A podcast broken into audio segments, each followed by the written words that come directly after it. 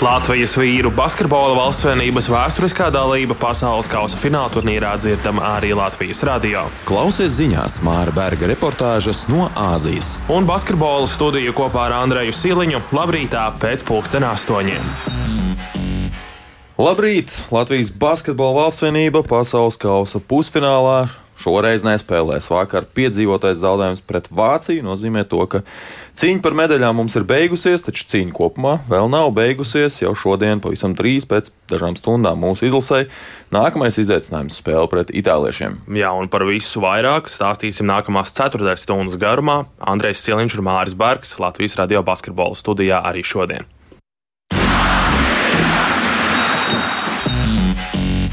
Vakar tika noskaidrots visas pasaules kausa pusfinālistas. Nu, diemžēl Latvija starp šīm komandām nebūs. Taču starp visiem četriem ceturdaļfināla dueļiem tieši Latvijas un Vācijas spēle izrādījās visciešākā. Mums no pusfināla beigu beigās šķīra tikai viens sekmīgs metiens. Jā, Latvija šai turnīrā sev raksturīgā manierē pēdējā ceturdaļā atspēlēja 11 punktu deficītu un pie mīnus 2 tika līdz pēdējam uzbrukumam. Taču iztekot spēles laika pēdējām sekundēm, Dāvija Bārtāna mastais trēcis no aptuveni 9 metriem bija neprecīzs un Latvija piedzīvoja ļoti sāpīgu zaudējumu daudz citu variantu jau patiesībā nemaz nebija, ņemot vērā, ka Dāvis aizvadīja tiešām labu spēli uzbrukumā tad tas ir metiens un izpildītājs, kuru šādā situācijā vēlēs. Dāvis šajā turnīrā iemetis arī grūtākus tālmetienus, neapšaubāmi, bet lai Dāvis pats izsakās par pēdējo ceturdaļu un arī par savu pēdējo metienu. Atspēlēt tos no mīnus 11, ko mēs jau kuru reizi izdarām pret uh, pasaules tom, top komandām. Principā, un, uh, Jā, tas prasa ļoti daudz enerģijas, ļoti daudz spēka, bet to var tikai izdarīt kopā kā komanda. Un, jā, tas arī bija tas, ka mēs spēlējam kā komanda, viens otram palīdzam, nenokaram galvas. Un, jā, pēdējais metiens pat nevis iespējams, bet noteikti, ja viņš, viņš būtu iekritis, tad būtu lielākais metiens manā dzīvēm.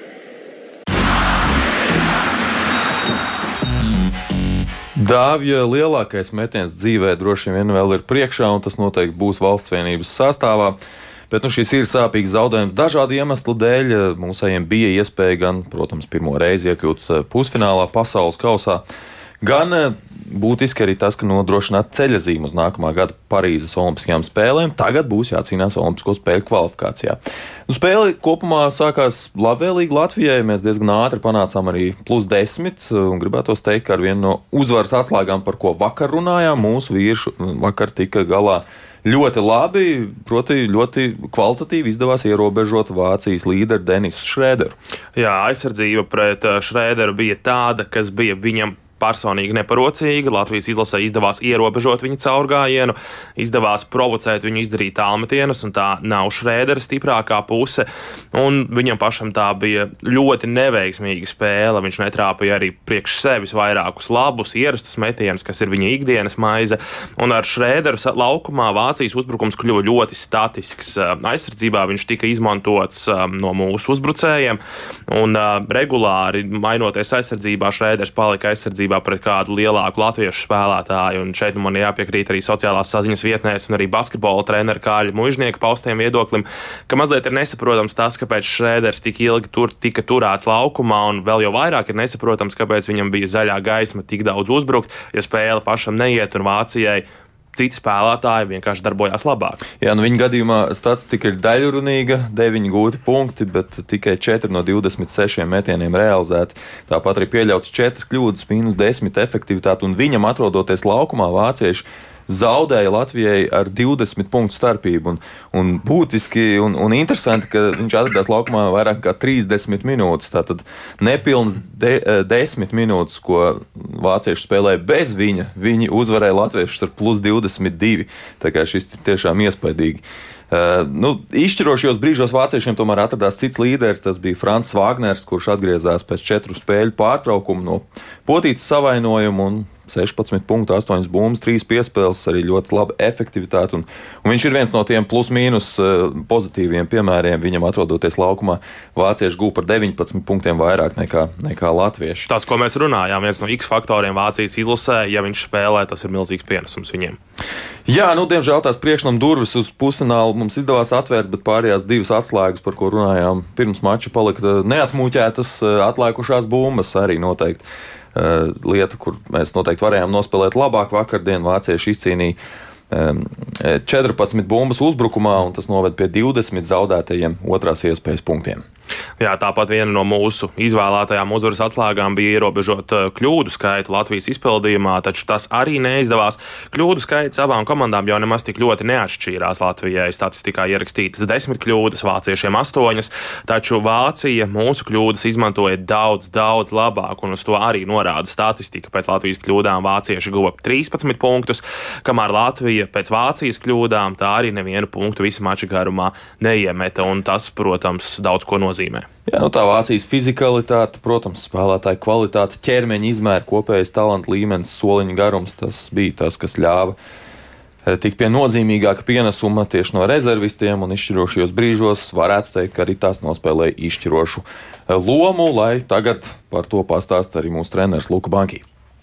Beginning of the fourth quarter uh, was uh, Pēdējās ceturdaļas sākumā droši vien bija mūsu sliktākais brīdis spēlē. Pretinieki atrada labus risinājumus uzbrukumā, pateicoties savam līderim Francam Vāgneram. Varbūt kāds ir aizmirsis, ka spēlējām pret četriem NBA spēlētājiem un pārējiem Eirolandes klubu spēlētājiem. Domāju, ka paveicām lielisku darbu, bet pret šādām komandām pienāk brīdis, kad kaut ko nākas zaudēt. Mūsu aizsardzība bija gandrīz perfekta, bet tajā brīdī nedaudz zaudējām koncentrēšanos un uzbrukumā spēlējām pārāk nepacietīgi. Runa ir par mazām detaļām, kas var komandu padarīt nevainojamu. Mēs neesam nevainojami, bet esam lepni par to, kādi esam.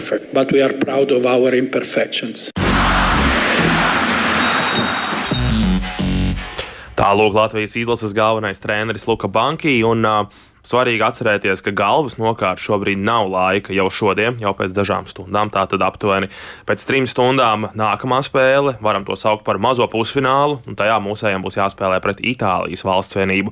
Spēles uzvarētāji, šīs dienas spēles uzvarētāji sestdien cīnīsies par piekto vietu, bet zaudētājiem būs jāspēlē par septīto vietu attiecīgi pret Lietuvas un Slovenijas doļu uzvarētāju vai zaudētāju. Lai arī kura komanda Latvijai nāks pretī turnīra pēdējā spēlē sestdien, būs gana principiāls mačs mēs noteikti varam atrast daudz savstarpējo paralēļu arī spēlē pret Sloveniju, ja tas tā sagadīsies. Jā, nu pret Itāliju šodien tā uzvara, uzvarai droši vien nav viena atslēga. Nav šaubu, ka mūsu komanda tādos galvenajos spēles komponentos ir labāka par Itāliju, bet, bet itāliešiem ir bijis mm, vairāk laika atpūtai. Viņiem ceturdaļfināls bija dienu ātrāk. Tāpēc svarīgākais šoreiz ir droši vien aizmirst vakardienas zaudējumu rūkumu, saglabāt pozitīvas emocijas, ko nu var paņemt no visa šī. Un, un eh, noslēpt ar šīm emocijām to fizisko nogurumu, kas nepārprotami būs sakrājies gana daudz. Arī trenerim Bankai pēc mača tika vaicāts par to, kas jāizdara, lai tik īsā laikā atjaunotos un sagatavotos nākamajai spēlē. Klausāmies! Next... Nākamais mērķis ir nevis olimpiskā kvalifikācija, bet nākamā spēle. Un tad vēl viena spēle, kad ir šī lieliskā iespēja spēlēt pret septiņām labākajām pasaules komandām. Tā ir jāizmanto. Mūsu sirdis ir salauztas, bet mums jāspēlē tālāk un jādara tas labi. Tikai sacenšoties pret labākajiem, arī pats var kļūt labāks. Mūsu izlasē nav tādas pieredzes, jo lielajos čempionātos nebijām spēlējuši kopš 2017. gada.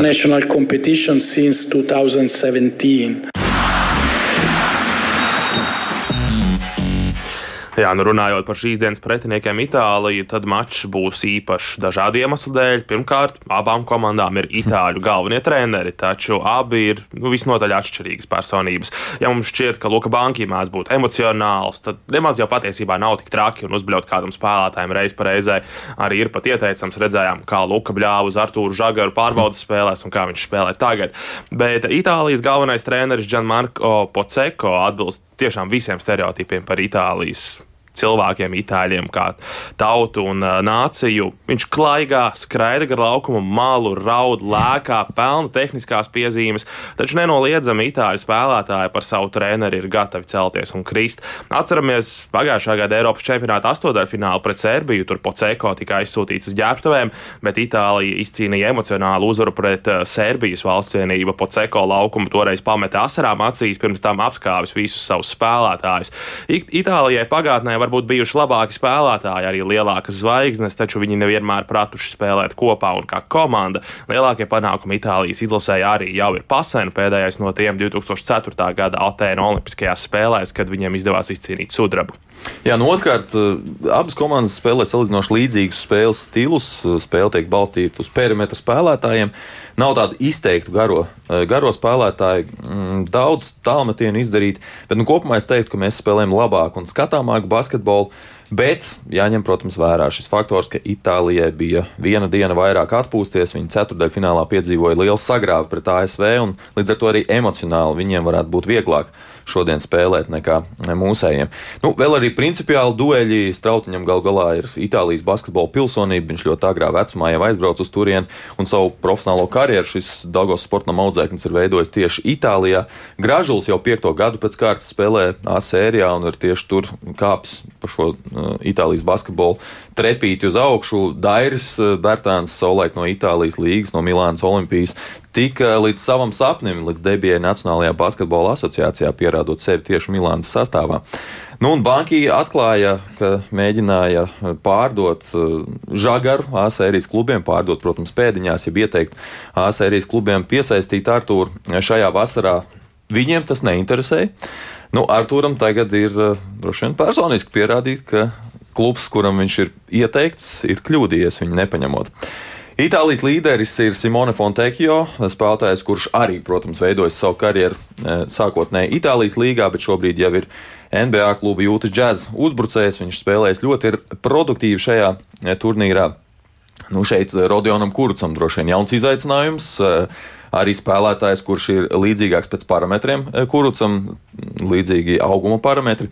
Cits bijušais NBA spēlētājs Nikolo Melī ir pievienojis 13 eh, punktus, vairāk nekā 7 bumbas, arī 3 piespēles, labu sniegumu ir demonstrējuši arī aizsargi Marko Spisu un Stefano Tonuts. Bet par to, cik nozīmīga spēle pret savu dzimteni būs Latvijas izlases trenerim Lukam Bankī, lai atbild viņš pats.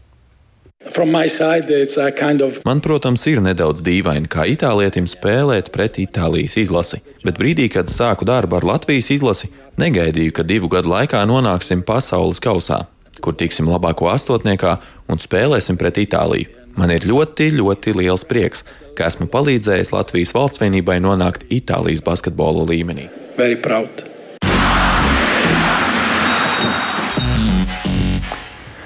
Spēles sākums šodien pret Itāliju, ja tāpat kā vakar, pulksten 11.45.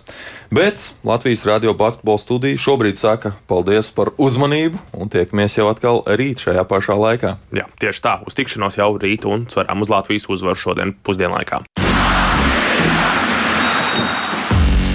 Latvijas vīru basketbola valstsvienības vēsturiskā dalība pasaules kausa fināla turnīrā dzirdama arī Latvijas radio. Klausies ziņās Māra Berga reportāžas no Āzijas. Un basketbola studiju kopā ar Andreju Siliņu labrītā pēc pulksten astoņiem.